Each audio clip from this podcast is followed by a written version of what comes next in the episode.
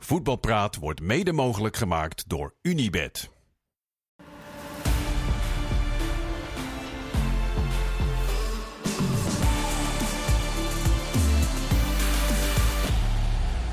Goedenavond, het is eh, 25 oktober. Dit is Voetbalpraat. Fijn dat u kijkt of dat u luistert als u naar de podcast luistert. We zijn er vanavond met Jeroen Haarsma van het Noord-Hollands Dagblad. Goedenavond, die weet alles eh, van AZ. Karim El Amadi van ons eigen ESPN, die weet alles van Feyenoord. En Mario Been, ook van ESPN, en die weet overal alles van eigenlijk. Hè? Eh, we gaan het hebben over eh, het nieuws van vandaag. Namelijk dat eh, bij Ajax op de laatste dag, maandag, van alles gebeurd is. De reconstructie van de Telegraaf. De Zwarte Piet die door Stijn uitgedeeld zou zijn aan Berghuis en aan Hedwiges Maduro. Maar we gaan het natuurlijk allereerst hebben over de glorieuze overwinning eh, van Feyenoord. Ik kijk jou aan, Mario. Ik begin ook bij jou. Hoe goed was Feyenoord vanavond? Nou, ik vond Feyenoord uitstekend spelen. Wetende dat eh, het eerste schot op het doel van, eh van Bijlo was eigenlijk in de 33e minuut. Nou, dat was niet echt, echt groots van Lazio. En je kan pra- praten over het feit dat Lazio niet het grootste Lazio is van de afgelopen jaren. Maar zijn toch gewoon tweede geworden in de Serie A. Maar ik denk dat we Feyenoord anders tekort doen. Feyenoord speelde geweldig. Echt eh, combinatievoetbal, druk vooruit. Maakte het Lazio gewoon elke minuut van de wedstrijd heel erg moeilijk. Ja, en hebben dan toch ook weer een spits die ze ook weer makkelijk erin schopt. Ja, nou dat is een understatement denk ik. Eh, Karim, hoe goed is eh, Santi Jiménez? Ehm, ja, heel goed eigenlijk. Volgens mij keek hij niet eens naar de, naar de goal om hem af te maken. Dat zegt al genoeg. Hij is zo, hij is zo vast in zijn trap. En hoe hij die bal inschoot eh, was, echt, eh, was echt perfect eigenlijk. Maar ik vond het heel fijn dat Mario terecht zei. eh, ik vond het misschien wel een van de beste eerste helften die ik heb gezien op een heel hoog niveau. Alles was gewoon goed eigenlijk. De druk zetten, duels winnen. Zerouki die heel sterk speelde, Jiménez.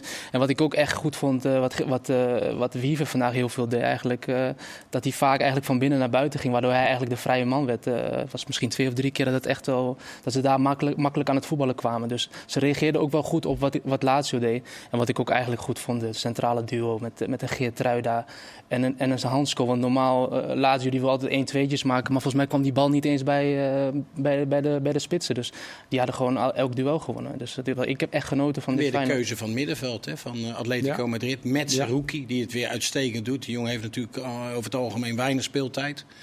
Maar als je toch in dit soort wedstrijden weer de kans krijgt en er gewoon weer staat. Want hij was ook weer heel bepalend. Ook met name in de derde goal was natuurlijk een fantastische goal. Waar hij eh, aan de basis staat. Maar ook de, de ruimtes die hij dichtloopt. eh, de rust aan de bal die hij heeft. Samen met Wiever echt goed controlerend spelen. En dan heb je Timber erbij. Ja, het stond als een huis. Ja, Ook bij het vieren valt me op hoe alle andere spelers Saruki om de nek vlie- vliegen. Alsof ze weten van deze jongen heeft even steun nodig. Vielen jullie dat ook op? Nou ja, het is een team. Dat merk je aan alles. Dat, dat zie je aan eh, buiten het veld, maar dat zie je ook in het veld. Ook de spelers die erin komen. eh, eh, er is geen moment dat het echt het, het spel vers, verslapt. Dat, dat Feyenoord een stuk minder wordt. En natuurlijk moesten ze na rust eh, de wissel maken met Lopez. Die noodgedwongen rechtsback moet spelen. Misschien dat je daar op dit moment een probleem hebt. Omdat Trauner natuurlijk geblesseerd is. Waardoor Geert Ruida in het centrum moet spelen. Nou, eh, Nieuwkoop eh, had natuurlijk al een, eh, een gele kaart. Dus hij wilde daar geen risico's lopen. En bracht dus Lopez. En dat vond ik soms wel heel erg, eh, ja, hoe moet ik het zeggen, onwennig, laat ik het zo stellen. Een hele domme gele kaart kreeg hij, wat wij ja. uit, uiteraard geen gele kaart vonden. Ik vond de scheidsrechter sowieso heel vreemd. Ik geloof iets van twaalf gele Ja. kaarten in dit soort wedstrijden. Waar eigenlijk niks aan de hand was, vond ik wel Er is geen blessurebehandeling geweest bij wijze van Nee, spreken. het was echt extreem. En als je dan eh, en dan Lopez geeft dan de strafschop weg, waardoor ja, laat je het nog even iets terug kan doen in de wedstrijd. Maar ja, de tweede helft was wat, wat rommeliger, Ja. maar Maar ook, maar ook de fitheid van de spelers. Als ik Stenks zag druk zetten en ook de diepteloopjes.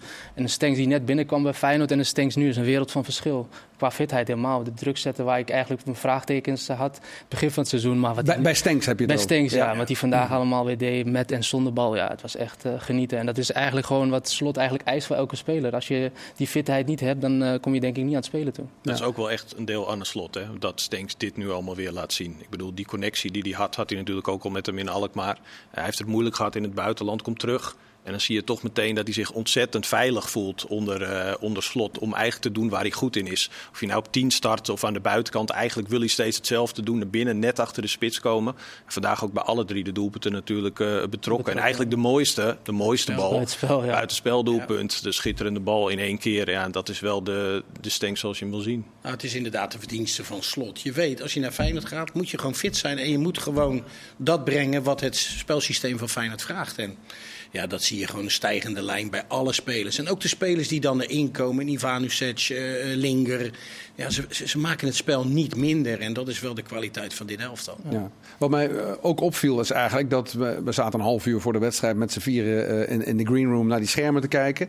En dan kijk je elkaar aan en niemand had zoiets van, nou, dit wordt een hele lastige... Zo. Je, je verwacht al bijna dat Feyenoord even een Italiaanse Serie A subtopper opzij zet eigenlijk. Hè? Zegt dat niet heel veel over de groei van Feyenoord, ook en, dit en, seizoen weer. En ook een Italiaanse ploeg die heel goed kan voetballen. Precies. Maar die kwam er vandaag totaal niet aan te pas. Dus dat, ja, dat vind ik wel echt... Uh... Moet ik wel een beetje zeggen dat ik het, het, het plan... Hij zal ongetwijfeld een plan hebben gehad, sorry. Maar wat het nou precies was, ik heb het niet kunnen ontwaren in, uh, in deze wedstrijd. Want ja, ze konden, je weet dat Feyenoord gaat stormen, gaat vol druk zetten. De manier waarop zij dat proberen te omzeilen. Met, met Immobile die daar dan op een soort eiland staat. Die is ook niet gemaakt voor, voor zo'n soort spel. Maar ik denk dus echt ik... wel dat ze een plan hadden. Maar Feyenoord is zo dominant in alles ja. wat ze doen. Dat, dat, nee, dat, dat ze er helemaal niet aan te pas kwamen. Ja, nee, daar kom je niet meer weg ja. bij Feyenoord, bij dit Feyenoord. Ja, dat is wel heel willen ze druk zetten. Maar als je dat dus niet met z'n allen doet, dan heeft Feyenoord constant het vermogen om driehoekjes te maken. Maar dat deden ze echt heel goed. Met, dat deden ze echt goed met Wiever. Want Wiever begon eigenlijk naast Zerouki. En ja. dan gingen ze, ging die uh, middenvelder die op hem staat, gaat dan druk zetten. En dan zie je gewoon Wiever elke keer in de rug bewegen. En daar was eigenlijk heel de ruimte. En dan stenk ze een beetje naar binnen. Ja, dat was het begin van het seizoen niet de vraag of Zerouki en Wiever wel goed samen konden spelen? Dat, dat verhaal is uit de wereld, Mario. Maar het was, ja. Nou ja, goed, dat laten ze wel zien. Dat was in Madrid was dat ook uh, ja. geweldig. Maar goed, sommige wedstrijden vragen nou net iets meer controle in een wedstrijd. Omdat hun natuurlijk ook een vrij goed middenveld hebben. Met die Luis Alberto, dat kwam er dan niet helemaal uit. Nou, we vonden het heel vreemd dat die uh, Gwen, Guendouzi, niet dat speelde, hij niet ja. speelde. Want dat is over het algemeen wel een hele, hele belangrijke speler voor dit Lazio. Maar ik denk dat dit wel een hele goede keuze is. Nou, nu moest het ook omdat Minte was natuurlijk uh, geblesseerd. Dus daar kwam Stenks dan weer te spelen. Maar Stenks heeft daar ook weer een hele vrije rol in. Ja. Dus al met al, als je dat het allemaal ziet bewegen. goede voor iedereen eigenlijk. Dat het is dynamisch. Manier, ja. ja. het is zo dynamisch wat ze van Feyenoord laat zien. Karim, denk jij dat als Minte fit was geweest... dat hij dan niet voor zijn rookie had gekozen? Of had hij dan ook voor deze samenstelling gekozen? ik denk als je tegen... Tegen Atletico had je, uh, ja, was, Atletico is niet hetzelfde als Lazio, maar ik had wel in grote wedstrijden had ik altijd met Zerouki gespeeld. En ja, ik weet niet wat Slot zou doen, maar ik denk dat dit wel het beste keuze wat ze, wat ze kunnen doen. Tegen, tegen, tegen Atletico, Atletico ging het goed en vandaag ook. Uh, je zag ook dat Wiever eigenlijk ook wel zich meer lekkerder voelt met iemand die voor de verdediging blijft. Dan kan hij eigenlijk overal bovenop zitten en ja, dan heeft hij veel meer vrijheid. Dus ik, ik vind die combinatie Wiever en, uh, en waar we het begin van het seizoen uh, misschien maar na één of twee wedstrijden zeiden van die, dat gaat nooit samen. Maar ze laten eigenlijk op hoog niveau wel zien dat het samen gaat. Ja, en ook zonder bal, hè, dat druk zetten, want we hadden het over het plan van Lazio. We weten eigenlijk, Sarri wil altijd via, inderdaad, juist via driehoekjes, korte pases, wil hij naar de helft van de tegenstander komen en de gevaarlijke mensen in ja, stelling brengen. Ze kwamen niet over de helft ja, eigenlijk als je, met dat als je, als je echt centrale duo's hebt die eigenlijk een beetje naar achteren leunen, dan, dan krijg je het heel moeilijk. Maar wat eigenlijk Hansco en, uh, en Gertruida echt, echt fantastisch deden, als die spits uitzakte, gingen ze met z'n tweeën gewoon mee. Ja, en daar staat ze gewoon bovenop. Dus je had niet eens meer kans dat die, dat die bal daar zou komen. En Lazio heeft ook een probleem wat Feyenoord een x aantal jaren geleden had. Dat je voorin naar voren wil. Maar de laatste lijn, wat wel vrij ja, traag is ja. bij Lazio, die liepen alleen maar terug. Dan wordt het speelveld ook zo groot. Ja, en als je dat tegen Feyenoord doet met dat combinatievermogen en die snelheid die ze hebben, ja, dan heb je enorm veel problemen. Ja, het ging over het centrum, hoe belangrijk dat is. Uh, jij zei net, Geertruida moet noodgedwongen in het centrum uh, spelen, uh, omdat Trauner er niet is. Als iedereen fit zou zijn, wat, wat zou nu het verstandigste zijn voor Feyenoord? Zou je dan Geertruida weer rechtsback moeten zetten? Of moet je hem in het centrum laten staan? Wat vind je? Nou ja, ik vind, ik vind de beste positie voor Geertruida is in het centrum. Ja. Ik vind met name ook het indribbelen, het middenveld in, zijn snelheid ook om, om dingen te herstellen vind ik een stuk beter en die komen daar ook beter uit. Alleen ja, uh, je hebt vaak te maken nu ook weer bijvoorbeeld met, uh, met Nieuwkoop... dat hij toch wel op een gegeven moment weer een, een, domme gele kaart krijgt... waardoor je eigen toch weer dupeert en de rest van de wedstrijd eigenlijk een beetje met de handrem erop moet spelen. Ja. Alleen daar heeft Feyenoord op dit moment geen uh, adequate vervanger voor. En dan moet dus noodgedwongen een linksbenige Lopez daar spelen die ja, niet de beste keuzes maakt. De jongen speelt natuurlijk ook relatief weinig, dus het ritme is ook niet echt aanwezig. Uh, dus ja, daar heeft Feyenoord wel een probleem. Maar ik kan me voorstellen dat als Trouwen terugkomt, ja, dat Geert toch automatisch... Toch weer wel, ja. ja. Nou, dat Zou jij dat ook doen? Uh, nou ja, goed, het is afhankelijk van de fitheid van, van, van Nieuwkoop en hoe die zich manifesteert. Maar normaal gesproken in de Nederlandse competitie ja, vind ik Trouwen daar geen enkel probleem. Ja. Ja, omdat ik ook zat te denken vorig jaar. Eh, laat ik zo zeggen, de afgelopen tijd heeft Geertruida natuurlijk vooral rechtsback gespeeld. Uh, vorig jaar heeft hij een periode 10, 15 wedstrijden in het centrum gespeeld. Het Nederlands elftal daar gehaald. Leipzig wil bijna 35 miljoen uh, betalen. Dat is niet voor de rechtsback Geertruida volgens mij. Of zie ik dat verkeerd? Nou, ik denk dat hij op beide posities kan spelen. Dus ik denk ook dat dat een, een club die hem koopt uh, wel in, in, het achterhoofd meeneemt. Van, hey, dit is een multifunctionele verdediger. Kan meerdere posities spelen. Is ook een moderne verdediger. Heeft snelheid. Kan daarbij ook nog eens goed voetballen. Is aanvallend met spelervatting ook nog eens levensgevaarlijk. Dus al met al denk ik dat daar wel topclubs naar kijken. Ja, absoluut. Uh, andere speler die ik eruit wil halen, uh, Quinten Timber. Werd eigenlijk nog met twijfels naar gekeken aan het begin van het seizoen. Zou misschien wel het kind van de rekening worden op het middenveld. Is die eigenlijk boven alle twijfel verheven nu? Denken jullie dat?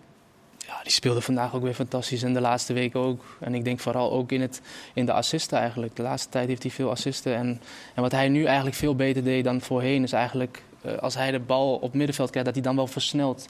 Voorheen was het gewoon bal en dan lichaam ertussen draaien. En je ziet hem nu wel sneller draaien, sneller versnellen. Dus ik denk dat Slot daar wel bovenop zit. Maar lijkt me ook wel veel beter. Karim, vind je hem niet fit? Ja, ja en bal, balverlies ook sowieso. In ja, alles Wat, wat hij doet. Je merkt gewoon dat hij veel fitter is. Zijn duelkracht is veel beter. En met Erik aan de goal bij Ajax bijvoorbeeld uit tegen Gaaien, wat die, die helemaal opzij zet. Nu ook weer in bepaalde duels is hij net even wat slimmer.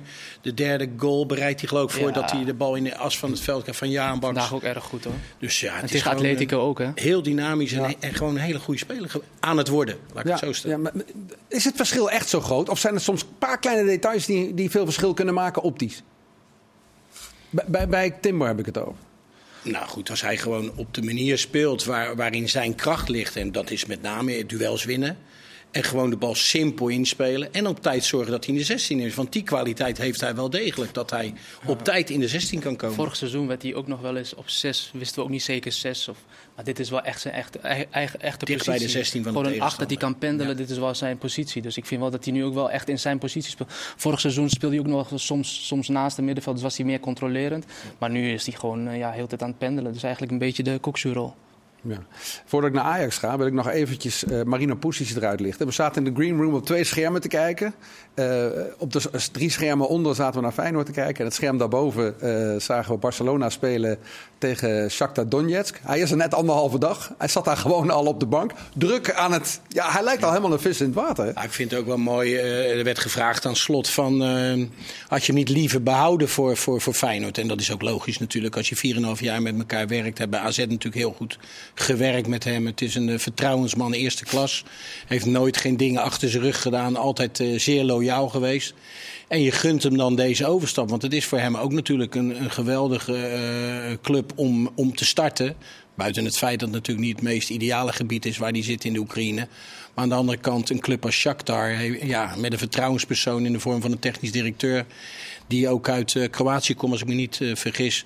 Ja, dan denk ik dat het gewoon een hele mooie stap is. Maar ik denk wel ook een aderlating voor, voor de staf van, uh, van, van Feyenoord. Maar ja, goed, zo is het ook ooit met, met AZ gegaan. Natuurlijk. Ze hebben hem vandaag niet gemist, toch? Nee, vandaag hebben ze hem niet gemist. En het fenomeen Jiménez, hè, dat blijft natuurlijk ja, toch iets yes. apart. Ja, ja ik, zat, ik zat te kijken, de Eredivisie, expected goals, jullie weten, ja. ik ben van de data. Uh, 6,1 expected goals en hij maakt dat 13. Dat betekent dus eigenlijk, deze, deze spits schiet gewoon alles erin bijna wat voor zijn voeten komt. Ja. ja een... Die goal die hij maakt, ligt die bal echt goed? Die eerste? Nee. Nee. nee dat was, uh, die bleef een beetje onder hem. Zijn eerste aanname was niet helemaal lekker. Maar dan weet hij toch ja. vanuit, vanuit de draai waar de goal is. En dat is een kwaliteit. Ja, dat is niet aan te leren. Dat heb je gewoon. En nu zijn negende wedstrijd die hij uh, achter elkaar een goal maakt. Dat is, uh, en de vijfde tegen Lazio. Hè, dus... Ja, en bij hem, Lazio wel licht, ja. bij hem is het ook altijd, als hij draait, dan lijkt het net of de verdediger altijd aan de verkeerde, positie, op de verkeerde kant staat te dekken. Ja, ja. Dus dat doet hij wel echt goed altijd. Ja. Ik zat in de green room steeds te zeggen tegen Mario, uh, als er nou iemand komt met 28 miljoen, en dan werd hij helemaal giftig, dat ik niet 58 miljoen zei. Nou ja, wij zaten net ook te discussiëren. Nee, maar deze, gaat, deze man gaat het record breken, toch? Waarvan club uh, nu eigenlijk de volgende stap zou zijn. Maar ik denk dat het belangrijk is dat hij eerst dit seizoen gewoon afmaakt bij Feyenoord.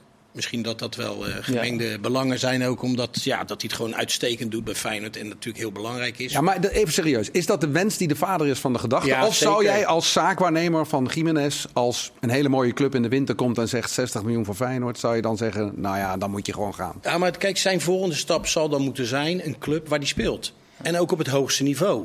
Want een club inruilen die Champions League speelt. En waar die wekelijks speelt, ja, dat, dat zou ik niet snel doen. En dan, we zaten net dan een klein beetje te schermen, waar moet hij dan heen? Nou, ik memoreerde dan aan Lazio, wat, wat natuurlijk gewoon veel salaris voor hem. Dan denk je eerder aan, eh, aan Inter of AC Milan, wat natuurlijk de top, top is in, eh, in Italië. Of misschien wel Napoli. Ja. Italië, ja. Hij kan ook naar Duitsland, naar Engeland, Spanje. Dit soort spitsen kunnen overal heen. Maar Ja. zijn volgende stap zal dusdanig belangrijk moeten zijn. Hij is 22 jaar. Dat hij weer gaat spelen. En niet dat hij bijvoorbeeld naar City gaat en achter Haaland komt te zitten. Want daar zit je nooit op te wachten. Wat zijn zijn grenzen nog? Wat, wat houdt hem tegen om bij het allerhoogste binnen te komen? nu? Ja, wat vind jij dan het allerhoogste?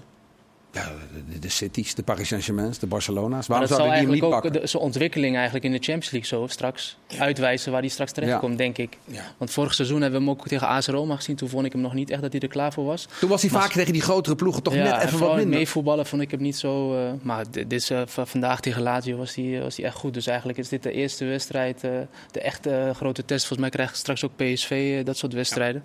Ja. dan moet je hem eigenlijk eh, gaan eh Champions League, debuut, Champions League debuut, hè? Dus we gaan gewoon mee met, Met eh, met. Mario. Hij moet, hij moet gewoon blijven tot het eind van het Zo seizoen. is het. We gaan naar Ajax, want eh, de eerste helft van, eh, van Voetbalpraat die, eh, nadert al zijn einde. Eh, ja, groot nieuws in de Telegraaf. De reconstructie van wat er gebeurd is bij het vertrek van eh, Maurice Stijn. En het meest opmerkelijke is, Maurice Stijn zou hebben gezegd dat hij wel wil blijven. Maar dat dan Steven Berghuis en eh Hedwiges Maduro uit de selectie zouden worden verwijderd.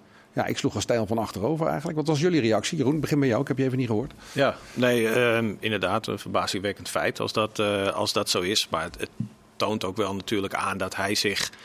Ehm, ik wil niet het woord paranoïde, vind ik een beetje sterk. Maar hij gaat op een gegeven moment natuurlijk wel eh, achter elke deur een vijand zien. Ik denk ook dat hij achter heel veel deuren in de arena daadwerkelijk een vijand heeft gehad. Eh, als je het allemaal zo'n beetje van de buitenkant, eh, ik, ik ben geen insider, meekrijgt. Ehm, ja, als je met je assistent trainer, want dat, dat is natuurlijk wel echt een, een heikel punt. Ja, dat heeft Maduro vandaag zelf ook aangegeven. Dat dat gesprek, of wat er naar buiten is gebracht door de, de, de, de mentale ja. van Almere City, Annemiek Seijenveld. Ehm, ja, dat dat hem wel echt pijn heeft gedaan, dat dat Stijn pijn heeft gedaan.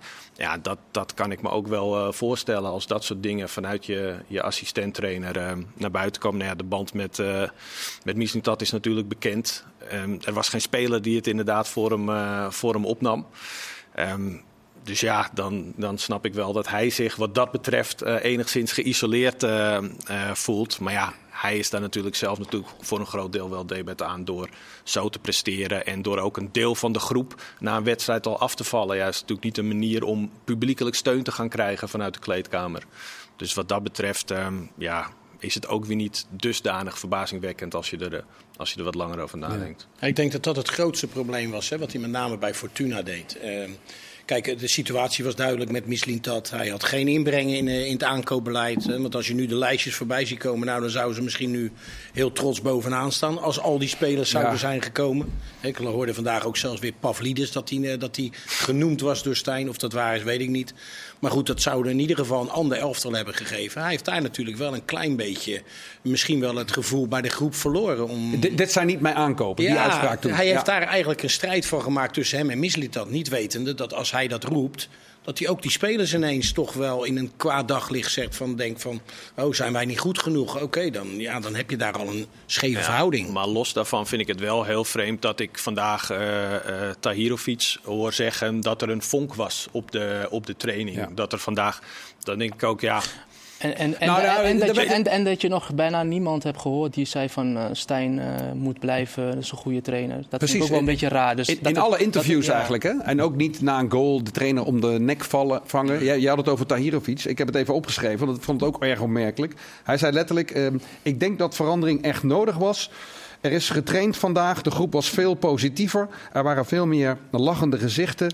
Uh, de vonk onder de nieuwe trainer, die hadden we nodig. Ja, dat, dat, dat, dat hoor je niet vaak over na een vertrekkende trainer, nee, toch? maar dat is wel een vreemd. Dan denk ik ook wel dat je als spelersgroep een beetje bij jezelf te raden moet gaan. Als je ja. dus een trainer nodig hebt om te kunnen... Je bent speler van Ajax. Ik bedoel, dan moet je toch ook... Ze voetballen niet voor Maurice Stijn. Ze voetballen omdat ze, omdat ze bij Ajax spelen. Ze voetballen voor het publiek. Maar uh, blijkbaar is, maakt dat dan zo'n groot verschil. Ja, dat, dat vind, ik toch wel, uh, vind ik toch wel heel opvallend. Ik vond Joel Veldman heeft er volgens mij ook wat over gezegd uh, gisteren. Die zei ook dat de spelers van Ajax toch wel een keer wat verantwoordelijkheid mogen gaan nemen. Ja, dat, dat denk ik ook. Ja. Maar welke spelers zouden dat moeten doen in het, in het team als je om je heen kijkt? Nee, je hebt niet veel leiders. Nee. Ja. Dan kom je toch bij de Als, Daar zat ik ook in de wedstrijd tegen Utrecht. Zat ik echt te kijken wie gaat nu opstaan en zeggen wat we gaan doen of hoe we het gaan doen. Kijk, langs de kant, voor een trainer is het ook niet makkelijk. Maar op het veld moeten er ook wel een paar leiders zijn. Als ik dan om me heen kijk, ja, ik zie Berghuis soms wel, uh, soms wel bezig zijn. Maar voor de rest, ja, er zijn allerlei vormen van disbalans in deze selectie. Hè? Is dat het belangrijkste? Dat je niet meer een, een Blind, een Tadic, een Alvarez, zo'n soort, een Martinez, zo'n type... In ieder geval leiderschap. Ja. Hè? Als je, als je de, bijvoorbeeld, uh, nu wordt het dan ineens weer over Blind gesproken, uh, die, die heerlijk in, bij Girona speelt. Ja. En over Tadic. Maar ja, goed, die zijn er niet meer. En, en... Ja, maar Tadic werd vorig jaar een beetje uitgelachen. Hè? Met dat coachen bij Volendam en noem maar op. Hoeveel had hij nu kunnen betekenen? Ja, heel veel. Ja? Heel veel, denk ik, dat hij had kunnen betekenen. Buiten het feit ja, dat we ook zien dat sommige spelers die gehaald zijn niet goed genoeg zijn. Maar een stukje vertrouwen door middel van toch nog betere spelers ertussen. Ja, dat zou zeker enorm helpen. En, en positief zijn. En, daarom zeg ik, ik memoreer dan toch weer aan wat Stijn gezegd heeft.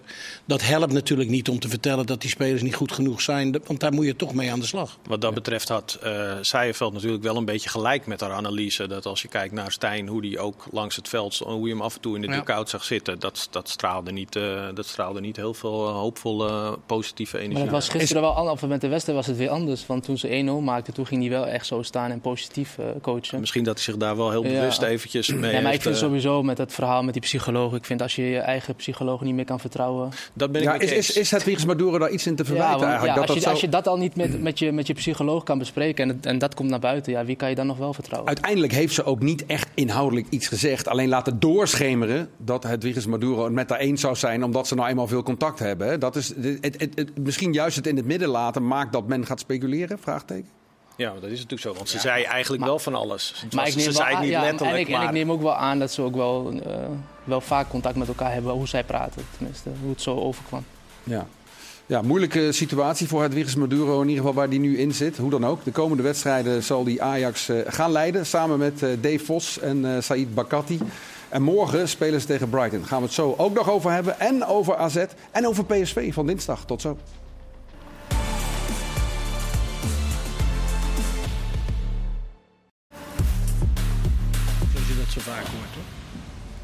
Welkom terug bij Voetbalpraat. We praten met Jeroen Haarsma, met Karim El Amadi en met Mario Been over de actualiteit van het voetbal. We hebben het over Feyenoord gehad, over Ajax gehad, het vertrek van Stijn. En één ding hebben we daarin nog niet behandeld eigenlijk, wil ik toch even met jullie naartoe. Uh, als je kijkt naar de situatie bij Ajax, als je als trainer vraagt ik wil blijven, maar Berghuis moet dan uit de selectie en ik wil niet meer met Maduro werken. Dat is met de contracten die daar lopen, ja, een kostenpost van 7, 8 miljoen euro. Even heel zo met de natte vinger. Zou Stijn serieus gedacht hebben dat Ajax daarmee akkoord zou zijn gegaan in deze situatie? Of zit daar iets anders achter? Hoe is, hoe is zo'n verhaal tot stand gekomen? Nou ja, ik kan me voorstellen dat, uh, dat Louis Vergaal, die dan nu de, uh, de leiding heeft, laten we het zo zeggen dat hij gevraagd heeft misschien aan Stijn... hoe zouden we je kunnen helpen om het tijd te doen keren? Dat, dat, kan, dat kan uh, zo gegaan zijn. Ja, en als hij dan die eisen stelt... Nou, Maduro snap ik niet. Want nogmaals, ik heb ook wel eens met uh, langs de lijn gestaan. Dan had ik een vraag bijvoorbeeld bij de wedstrijd Ajax Feyenoord van... Hoe ga je spelen? Ja, dat, dat zien jullie straks wel. Hij gaf werkelijk niet, uh, niets daarvan prijs. Dus ik heb dat zelf nooit meegemaakt. Ja, is goed ja. dat je dat zegt trouwens. Want in het stuk wordt ook gezegd dat uh, Stijn zich zou hebben geërgerd aan Maduro... die dingen zou doorbrieven of lekken naar zijn oud-ESPN-collega's. Uh, we zijn met z'n drieën oud-ESPN-collega's. Uh, ik heb wel contact gehad met het Wiegers. Maar als ik zo gauw ik hem vroeg naar een blessure of naar een opstelling... dan, uh, dan werd het stil op de app. Of dan hield het gesprek op of het ging ergens anders over. Hij heeft dat nooit gezegd. Nee. Hij heeft zelfs expliciet gezegd... Nummer één taak van een assistent is altijd het steunen van de hoofdtrainer. En ja, jij bent ook wel als assistent geweest. Je bent niet altijd misschien 100% eens met een hoofdtrainer. Maar het gaat erom wat je doet, toch? Nou ja, goed. eh, kijk, de hoofdtrainer bepaalt. Dus als jij op een gegeven moment naar buiten gaat en de, in de wedstrijd in... En, en dat is de keuze van de hoofdtrainer... dan moet je je daarmee conformeren. Ja. En dat lijkt, me- lijkt me gewoon duidelijk. En Maduro zit daar ook gewoon zo in. Ja. Althans, die indruk heb ik. Ja, ik ook. Wat hun intern, eh, dat, dat weet ik niet. En dan de keuze maken om Berghuis... dan dat hij hem niet meer op gaat stellen... ja, dat is kapitaalvernietiging. Dus ik kan me voorstellen dat een club als Ajax...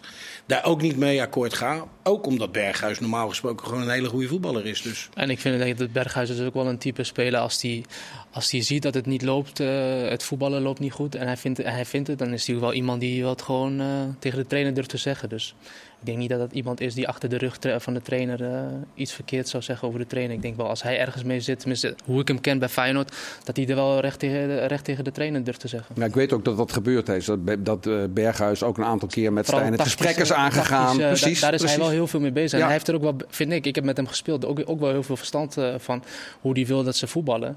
En dan, dat, dat gaat hij echt wel direct tegen de trainer zeggen. Dus ik weet niet wat er is gezegd over de trainer of achter de trainer door, door Berghuis. Maar ik kan me niet voorstellen dat dat iets te maken heeft met een tactisch gebeuren. Nou ja, en er kwam natuurlijk nog het invallen van afgelopen zondag tegen Utrecht. Dat was natuurlijk niet helemaal florisant, waardoor iedereen dacht van dit is werkweigering. Nou, ik, volgens mij Maar als je dat voor die wedstrijd als weet, al weet al van, eh, als trainer zijnde dat iemand- zo'n speler eh, daarmee bezig is, Dan zou ik hem niet eens laten spelen. Nee. Ja. Dus ja.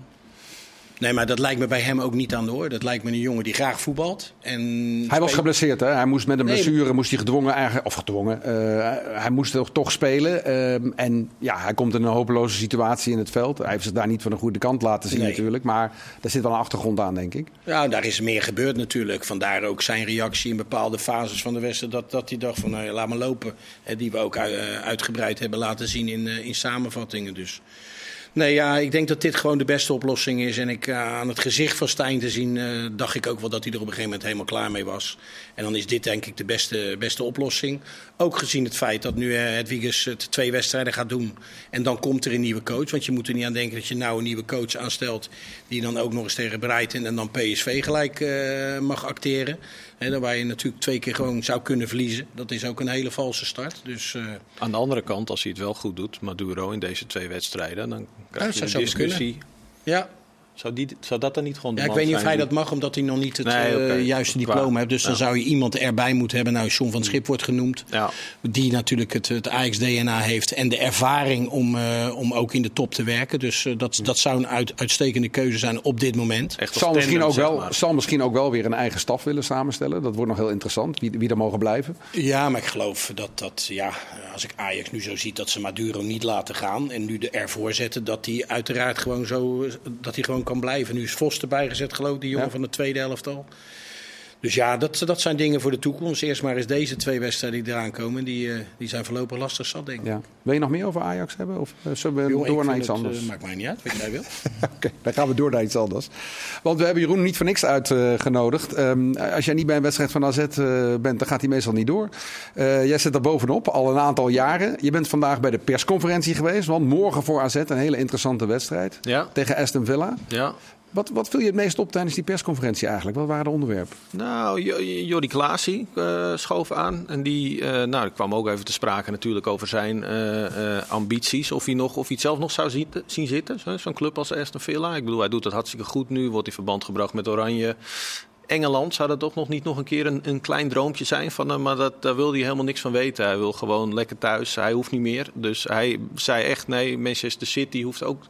hij zei ook wel, de kans dat Manchester City aanklopt is misschien niet super groot. Maar eh, nee, dat, dat, dat hoeft van hem allemaal niet meer. Dus die wil gewoon bij, eh, bij AZ blijven. Maar ja, veel van zijn teamgenoten die willen natuurlijk nog wel die stap maken naar het buitenland. Dus eh, ja, dat wordt wel een interessante krachtmeting tegen Villa. Zeker nadat ze een paar maanden geleden ehm, tegen West Ham United hebben gespeeld.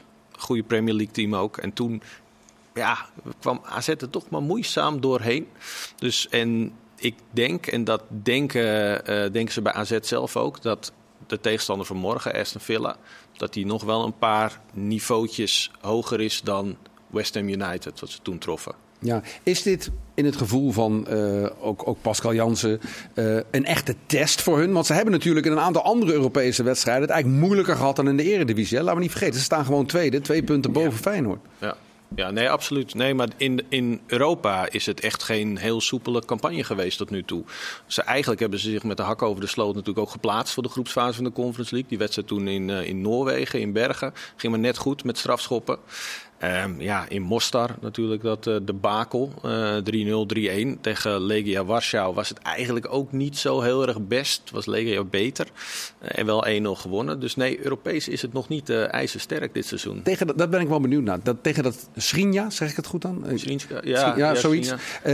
was dat, Schrinski, sorry. Ja, ja, is dat een, is dat een, een traumaatje? Of is dat juist, of is dat juist een, een heads-up geweest? Een, een, een waarschuwing geweest die positief doorwerkt? Nou, dat kan wel als een klein. Uh, dat had wel een traumaatje kunnen worden, zeg maar. Als het, als het niet direct daarna weer orde op zaken hadden uh, gesteld. Want ze hebben ook een keer natuurlijk die legendarische wedstrijd tegen Sparta uh, gespeeld. Dat AZ 4-0 voor stond en dat het 4-4 werd. En toen gingen die weken erop, zag je ze ook steeds voorsprongen weggeven.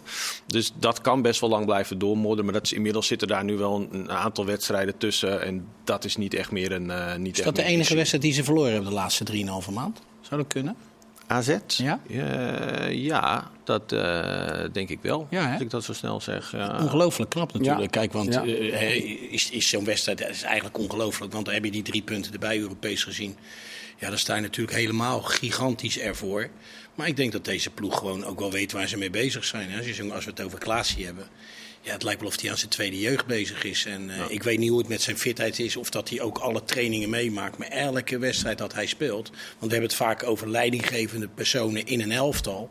Ja, hij is er zo eentje waar die jonge spelers, wat de visie op dit moment van AZ is, ja, zich natuurlijk enorm aan kunnen optrekken.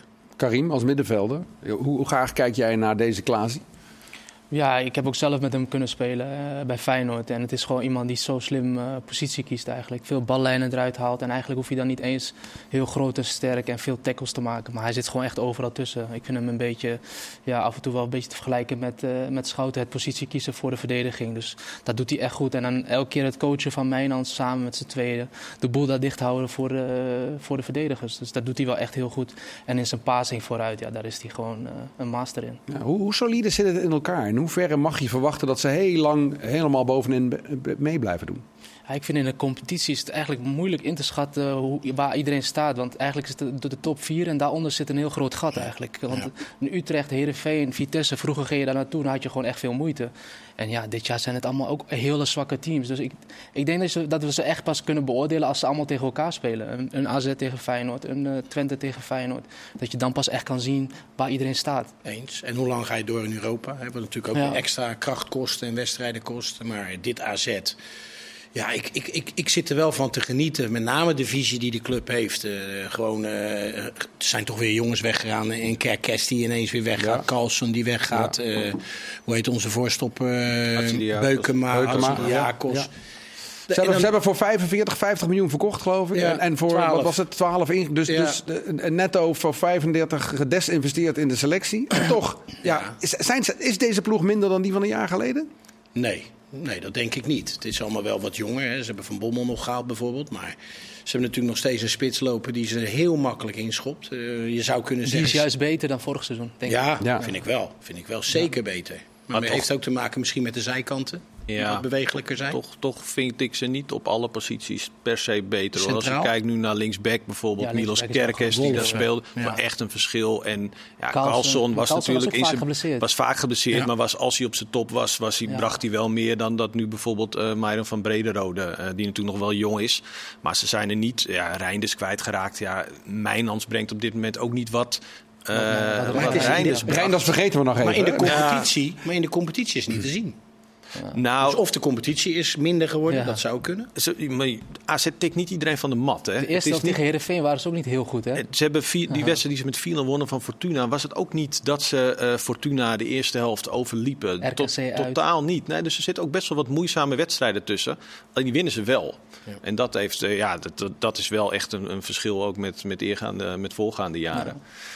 Dus ja, dat, dat kan natuurlijk wel gaan helpen. Maar of zij echt mee kunnen met PSV en Feyenoord, dat betwijfel. Als je toch kijkt naar de selecties, ook hoeveel geld daarin is gestoken. Met het oog ook op natuurlijk, eh, dat zijn echte clubs die moeten de Champions League in, willen de Champions League in volgend jaar. Kijk naar wat, wat Feyenoord heeft lopen, kijk ook wat PSV. Maar dat had. AZ Dat vind ik kunnen toch- doen. Vind ik wel een verschil. Nou ja, AZ had dat kunnen doen, want ze hebben ook financieel de mogelijkheden om toch wat meer te investeren als dat ze tot nu toe hebben gedaan. En wetende dat de eerste twee posities in deze competitie recht geven op Champions League.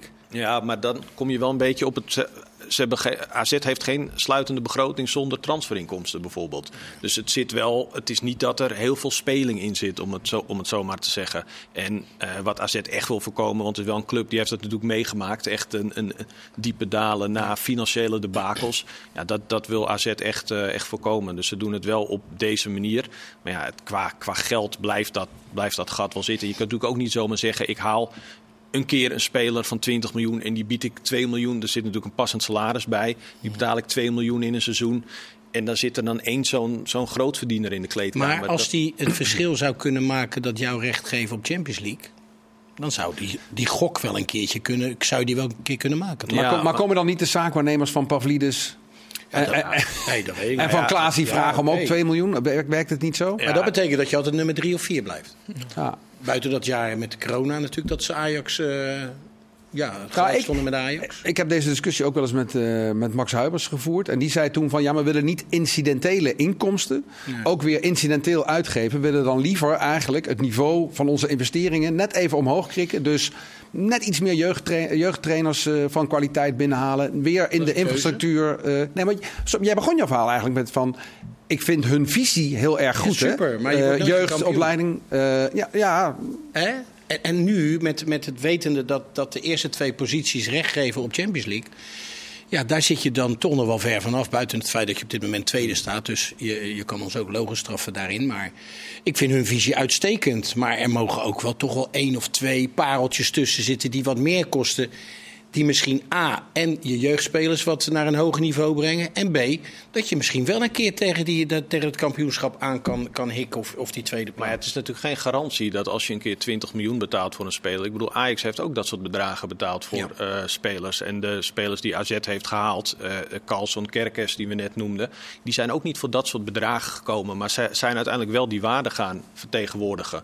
Dus ja, het, het zegt niet altijd wat dat als je een groot bedrag neertelt. Nee, dat, dat begrijp ik wel. Dat begrijp ik. Maar hun transferbeleid is natuurlijk uitstekend. Hun jeugdopleiding is uitstekend. Ja, dat is een ander aspect. Op het moment dat je heel veel gaat kopen en grote spelers Ja. gaat komen, het zit, zit wel. Ja, ze hebben niet voor niets die, die Youth League gewonnen. Die spelers die willen op een gegeven moment ook een, een kans gaan krijgen. En dat heeft Huibers ook gezegd. Ja, dat moet ook gebeuren. En dat moet dit seizoen al gaan gebeuren.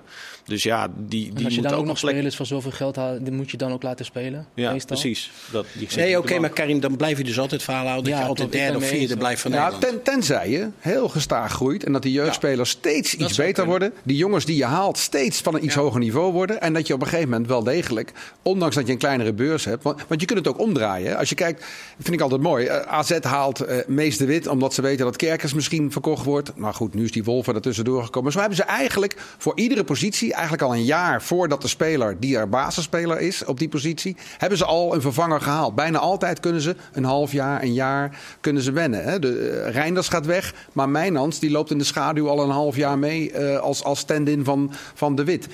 Je kunt het ook omdraaien. Zouden niet alle topclubs ook zo moeten redeneren? Ben je dan niet uiteindelijk spekkoper? In ja, plaats van eind augustus, 31 augustus nog de derde linksbuiten Ja. Ajax is natuurlijk het slechte voorbeeld ervan. Ja. Die geven 115 miljoen uit aan spelers die misschien dadelijk nog maar de helft waard zijn. Dus ja, dat is een heel slecht voorbeeld. Ja. Vandaar dat ik ook zeg dat eh, de visie van AZ me enorm bevalt. Alleen misschien zouden ze wel eens een keertje ietsje meer risico kunnen nemen om het elftal dusdanig te versterken. En dat hoeven dan geen spelers van 20 miljoen te zijn. Maar in ieder geval wel spelers die, die net even het niveau opkrikken. Waardoor je misschien wel eerste Nou, of tweede kan worden. Ja, nou ja, het is, het is natuurlijk wel zo dat ze om die reden... dat he- hebben ze naast eh, Joey Veerman eh, gegrepen... die op een gegeven moment ook AZ Ja. wilde hem halen bij Herenveen. Ja, dat er zat net, net een bedrag wat Herenveen vroeg... en die hebben terecht gewacht. Want er kwam inderdaad een club die betaalde dat wel, PSV. Ja, dat is dan net jammer natuurlijk... dat je die er niet aan, kan, aan je selectie kan toevoegen. Want dat is inderdaad wel een speler die komt... en waarvan je weet van nou, die maakt, meteen, eh, die maakt je ploeg meteen beter. Ja. Ja. Maar ik heb wel altijd bij AZ, als ik verwacht van oh, dit jaar zullen ze minder zijn, dat ze er toch wel weer eh, bovenin meedoen. Dat vind ik ook wel knap. Ja. Ja, Ja, dat is ook vaak inderdaad wel aan het begin van de verwachting. Ja, het zijn spelers die mensen niet echt kennen vaak. Die ze, ja. kijk, Jos Pavlidis en zo, die in de Eredivisie hebben gespeeld wel. Maar er komen natuurlijk ook nog steeds wel veel spelers uit, eh, nou ja, nu uit Portugal. Uh, ja. Voorheen natuurlijk ook uit Scandinavië. Die niet echt grote namen zijn. Dus dat de fans ook, uh, ja, die moeten het ook maar zien. Maar ja, in, in veel ja. gevallen. Maar, zo, maar de Penetra's, die, die spelen op een boerenfluitjes mee in de top van de eredivisie. En die zijn voor een appel en een ei gehaald, relatief. Voor ja. 4 miljoen geloof ik. 4, 5 miljoen, ja. Uh, er loopt een Dantas rond, die gewoon in Bayern München 1 hal heeft rondgelopen op zijn negentiende. Gehuurd met een koopoptie, als ik me niet vergis. Uh, wat moeten we daarvan verwachten? Van hebben Dantas? We niet, ja, we hebben er niet zoveel van gezien. Nee, nee, nee. Ik heb een paar, paar keer zien spelen, ook niet heel vaak. Hij maakt hij heeft best wel twee keer al een, een prima, prima invulbeurt gehad. Wat wel echt opvalt is hoe klein die is. Hij is ja, echt heel hij klein. echt licht. Dus echt, ja. want zelfs als hij naast Klaasie speelt op het middenveld, dan lijkt Klaasie best wel groot. ja, dat, is, dat gebeurt nooit, ja. zeg maar. Het is wel echt net een, net een kind. Is het. Dus dat is wel, hij is wel fysiek wel heel erg beperkt. Maar ja, je ziet wel dat hij, dat hij goed is aan de bal. Maar ja, of hij, of hij mee kan spelen, of hij een, een basisplaats kan veroveren, dat, dat durf ik nu nog ja. niet te zeggen. In de goede prestaties van AZ is Pavlidis dit seizoen natuurlijk een beetje een cheatcode, kun je bijna zeggen. Uh, is hij er nog na de winter, denk je? Hoe, hoe, hoe kijkt AZ daarna? Ik denk wel dat hij er nog is na de winter. Uh, dat komt omdat AZ doorgaans wel afspraken maakt met spelers wanneer ze in welke transferwindow ze mogen vertrekken. Dat is met Carlson ook gebeurd, zeg maar. Die wilde het jaren voor al weg. Ze hadden afspraak geweest van, nou, dan ga je volgend seizoen dan dan verkopen, dan werken we mee aan een transfer, zeg maar. Dus ik denk dat komende winter AZ er echt alles aan gelegen is om hem niet te laten gaan. En ik denk dat dat voor hem, um, ja, kijk, het is natuurlijk moeilijk als er echt, echt een club dat is, Maar daar gaat het om, het, hè? Het Jiménez-verhaal, zeg maar. Ja. Hè? Als er echt een club met een krankzinnig bedrag, dan wordt het misschien weer anders. Maar normaal gesproken, als hij ook zo doorgaat en hij eindigt inderdaad op een doelpuntje of 30, dan leert de ervaring ook wel. Spelers die dat bij AZ doen, die krijgen ook wel een mooie transfer. Uh, zie Vincent Jansen bijvoorbeeld. Ja, dan, dan kom je ook wel bij een Tottenham-achtige club terecht. Ik denk ja. dat het bij hem ook wel straks uitmaakt in die, in die Europese wedstrijden. Ook precies hetzelfde eigenlijk. Dan in de Eredivisie-wedstrijden. Naar, naar wat voor club die naartoe zal gaan. Wat, wat voor indruk je maakt in de Conference League, ja. bedoel je? Ja. Nou ja, dat bij, heeft... bij het Griekse elftal is hij ook geen basis, uh, nee, basisspeler. Ongelooflijk wel naast. Ja. Dat is ongelooflijk trouwens. Hè? Ja. dat is wel opvallend. Ja. Maar dat is wel wat je zegt, is wel zo. Want dat er dit seizoen, of afgelopen zomer, zoveel spelers zijn vertrokken... en ook aan zoveel spelers van AZ is Ja, dat komt echt wel door dat, door dat Conference League. Het komt niet door de Eredivisie. Het komt echt puur dat ze de halve finale van de Conference League hebben gehaald. Klopt. En daardoor is, uh, is al die interesse gekomen. Ik wil nog even naar PSV, uh, de koploper in de Eredivisie, die ook Champions League heeft gespeeld. Wat ik grappig vind, de internationale en nationale pers. De ene helft zegt PSV heeft het hartstikke goed gedaan, hadden moeten winnen. En de andere helft zegt ze zijn goed weggekomen. Uh, Jeroen, wat vond jij? dat de andere helft gelijk heeft. Goed weggekomen. Goed weggekomen. Karin? Ja. Uh, ja, ik vond niet dat ze de hele wedstrijd dominant waren. Ik denk dat ze de eerste 20 minuten het moeilijk hadden kregen ze ook nog een grote kans Lans. Dus PSV had het moeilijk. Daarna kwamen ze wel iets beter in de wedstrijd. Begin tweede helft ook wel. Maar daarna werd het volgens mij 1-0 voor, uh, voor PSV. PSV en toen was, ja, uh, toen was Lans... Ja, die was echt... iedereen leek wel dat, die, dat iedereen op de brommer was daar. Ja. Iedereen was snel, sterk. Maar er waren wel ook wel mogelijkheden om te voetballen. En dat was vooral uh, tussen, tussen de verdediging van Lans en het middenveld. En daar kwamen ze eigenlijk helemaal niet aan. Tilman was dan een soort van de vrije man, maar die heb ik totaal niet gezien gisteren. Ah, je ja. ziet niet het verschil tussen de nummer 15 van Frankrijk en de absolute koploper op dit moment in Nederland. Die ja. suprematie laat zien en elke wedstrijd gewoon vrij eenvoudig winnen. Maar ze Alleen... hebben wel knap gewonnen van Arsenal, dus dat kan je wel weer meenemen. Nee, zeker. Ja. Dus we moeten ook niet zeggen dat het uh, een, een, een, club is die, die niet... Ook, ook slecht aan het seizoen begonnen. Ja, hè? Vorig jaar tweede, wel ja. in principe een topclub in Frankrijk natuurlijk. Ook wat spelers maar... verloren. Ja. Die en de entourage waar, waar Bos het over had, dat PSV daar zo makkelijk in, in, in stand hield. Ik denk wel trouwens dat hun in hun thuiswedstrijd favoriet zouden kunnen zijn, PSV. Dat ze dat wel zouden moeten kunnen winnen. Want ik vond ook niet dat Lans nou zo geweldig was. En ze kwamen ook vrij gemakkelijk aan de goal. Dat blijft natuurlijk toch een Achilleshiel van, uh, van PSV, Ramaljo. Ja, Met name verdedigend. Ik vind dat die... Maar Peter Bos vindt hem heel goed, geloof ik, hè?